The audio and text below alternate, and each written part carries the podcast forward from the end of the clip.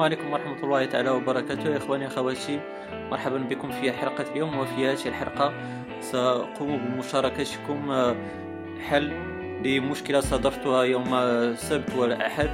فهذه المشكلة تخص مستخدمي الماك فعندما أردت أن أقوم بفتح application لتويتر وفيسبوك فلم أستطع فتح فتحهما وقررت حذف هذه ال application وقيام بتحميلها مرة ثانية فلما قررت تحميل هذه ال application فلم أستطع تحميلها على ال App Store للماك وصادفت message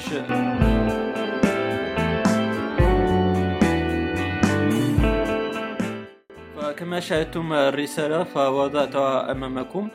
فقمت بالبحث مرارا وتكرارا عن الحل لهذا المشكل.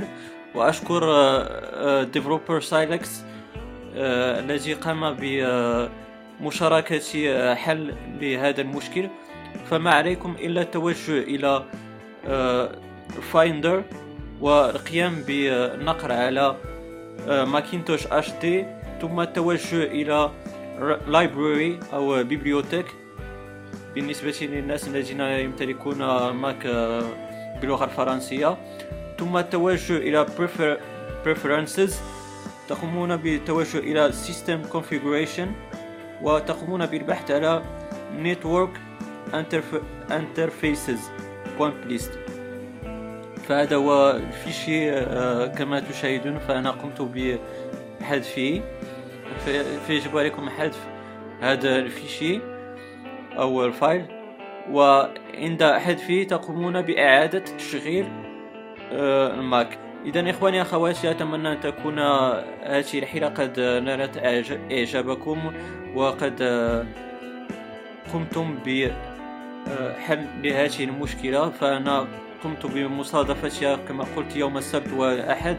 وقررت مشاركتها معكم لتعم الفائدة فنرجو إعطاء لايك لتشجيعنا المزيد من العطاء ولما لا الاشتراك بالقناة. لتصلكم حلقاتي المقبلة إن شاء الله. إلى ذلك الحين إخواني أخواتي أستودعكم الله والسلام عليكم ورحمة الله تعالى وبركاته.